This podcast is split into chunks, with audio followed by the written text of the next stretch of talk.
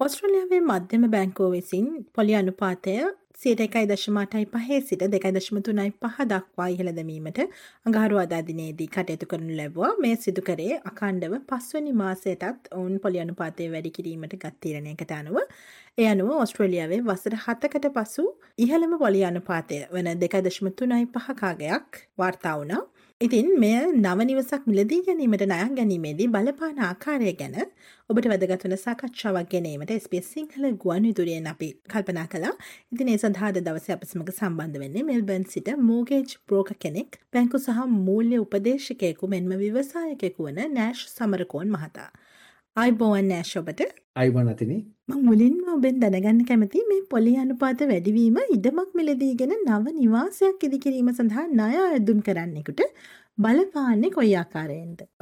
ඕ ඇත්තටම ඒක තමා මේ දවස්වල තියෙන කොමන අහන ප්‍රශ්නයක් ඕක. අපි ඉස්සලාම මේක තේරුම් ගන්න ඕනේ අපි පොලි අනුපාතය වැඩි වෙනකොට අපිට කොහොමද අපේ පොලි අනුපාතයත් එක්කම මේ අපේ තියෙන බරෝයින් කැපැසිටි කියන්නේ ගන්න පුළුවන් ණයවල ප්‍රමාණය කොච්චරකින් අපිට වෙනස් වෙනවද කියන එක. ඒ වගේම අපි බලන්න ඕනි මේ ගයක් හදනකොට මේකේ අපි house and land package හරි හරි අපි construction loan එකක් කරනකොට අපිට ඒකට එන බලපෑම මේ පොලි අනුපාතය වෙනස් වීමත් සමගම වෙන්නේ කොහොමද කියන එක.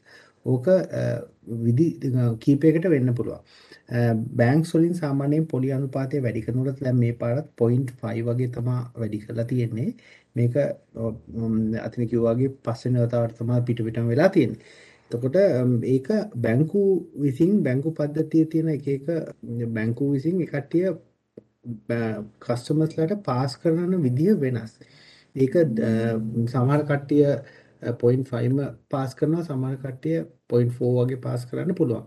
ඒක ඒ කට්ටිය තමයි ඒ කට්ටිය තීරණය කරන්නේ. ඒක බලපානවා පාස් කරන ප්‍රමාණය අනුව වේරියබල් ඉන්ට්‍රස්ට් රේට් එකක් තියෙන කට්ටිය තමයි ඒක ඍජුවම බලපාන්නේ. ෆික්ස් කට්ටියගේ ඒ ප්‍රමාණයට ඒ කාලෙට ෆික්ස් ඉන්න ඒ කට්ටියට ඒක බලපාන්නේ නැහැ. එතකොට ලෑන්ඩ් හවුස් ඇන්ඩ් ලෑන්ඩ් එකක් ගත්ත කෙනෙකුට ලෑන්ඩ්ස් මේ මේ කට්ටියගේ එකම ප්‍රශ්නේ තමයි කන්ස්ට්‍රක්ෂන් ලෝන් එකක් කරන කෙනෙකුට දැනට එයා දැනට ඉන්නේ කුලී පදනමකින් තමයි ඉන්නේ. ඒ කියන්නේ දැනට පදිංචිලා ඉන්නේ තව කෙනෙකුට රෙන්ට් එකක් ගෙවනවා. නමුත් ගෙයක් හදන්න යනකොට අපි house and land construction කාලය සාමාන්‍යයෙන් අපි අවුරුද්දක් විතර කියලා සැලකුවොත් ඒ කාලය ඇතුළත එයාටත් කුලියක් ගෙවන ගමන්ම අර construction loan එකේ මුල් ප්‍රමාණයක් යම් කිසි මුදලක් interest only හරි ගෙවන්න වෙනවා යම් කිසි කාලයක්.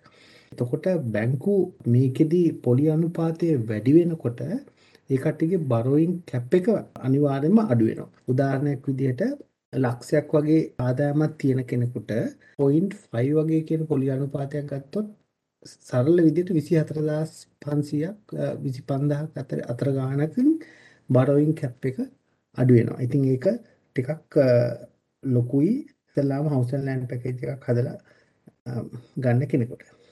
ඔවුනෑෂ් කෙනෙක් ඉන්නට පුළුවන් ඔවුන් ඉදිකරන ලද නිවසක් මිලදී ගැනීමට බලාපොරොත්තු වෙන. ඔවුන්ගේ අයදුම් පත සඳහා මේ පොලි අනුපාත වැඩිමෙන් බලපාන්නේ කොයි ආකාරයකින්ද. ඒගොල්ලන්ට රිජුවම බලපානවා මොකද ඒගොල්ලන්ට දැන් කරන්නේ දැන් ඉන්න ගෙදරින් අපි කියමුකෝ එකට දැනටත් තියෙනවා නම් කියන කුලි පදනම මත ඒ කුලි පදනමෙන් ඒ කට්ටිය තමන්ගෙම ණයකට යන එක තමයි වෙන්නේ පර්චස් එකක් ගන්නකොට ඒකේ එක හොඳ පැත්තකුත් තියෙනවා ඒකේ අවශ්‍යදායක පැත්තකුත් තියෙනවා ඒකේ හොඳ පැත්ත දැන් මට පේන විදිහට මාකට් එකේ පොලිය වැඩි වෙනකොට ගොඩක් ගෙවල් මාකට් එකේ තියෙනවා. ඒ කියන්නේ ඩිමාන්ඩ් තියෙන්නේ ඩිමාන්ඩ් එක අඩු වෙනකොට property prices අඩු වෙනවා. එතකොට මාකට් එකේ තියෙන තරඟකාරීත්වය අඩු වෙනවා. තරඟකාරීත්වය මාකට් එකේ අඩු වුනහම ගෙවල් වල තියෙන වටිනාකම අඩු වෙනවා. ඒ කියන්නේ වැඩි වෙන වේගය අඩු වෙනවා.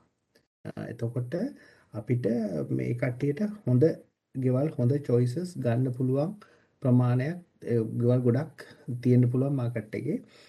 නමුත් සර්විසිබිලිටි අර අපි කිව්වා මම කලින් කතා කරා වගේ සර්විසිබිලිටි බෆර් එකක් කියන එක වැඩි වෙනවා බැංකු වලින් මොකද ඒක බැංකු වලින් අපිට සාමාන්‍යයෙන් 3ක් කියලා අපිට පෙන්වන්නට පොලි අනුපාතය බැංකු වලින් අපිට ලබා දෙන මේ නමුත් බැංකු ණයක් ගන්නකොට ඒ කට්ටිය සර්විසිබිලිටි බෆර් කියලා එකක් එකතු කරනවා සාමාන්‍යයෙන් ඒක දෙකයි දශම පහක් තුනක් වගේ අගයකින් තමයි එකතු වෙන්නේ.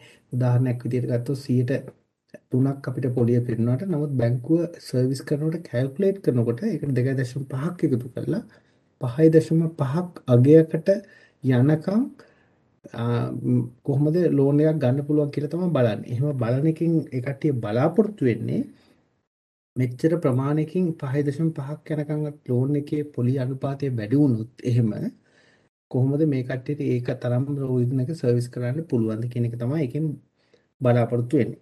එතකොට ඒක වැඩි වෙනකොට ඒක ෆස්ට් හෝම් බයර්ස්ලාට වගේම පර්චේස් කරන කට්ටියගේ බරෝයින් කැප් එකට ඒ කියන්නේ ගන්න පුළුවන් ලෝන් එකේ ප්‍රමාණය අඩු වෙනවා. එතකොට ඒකෙන් වෙන්නේ ඒ කට්ටියට ඒක වැඩිපුර තමන්ගෙන් මුදල් දාලා අතින් දාන්න ඕනි තමන්ගේ කන්ට්‍රිබියුෂන් එක වැඩි වෙන එක තමයි වෙන්නේ.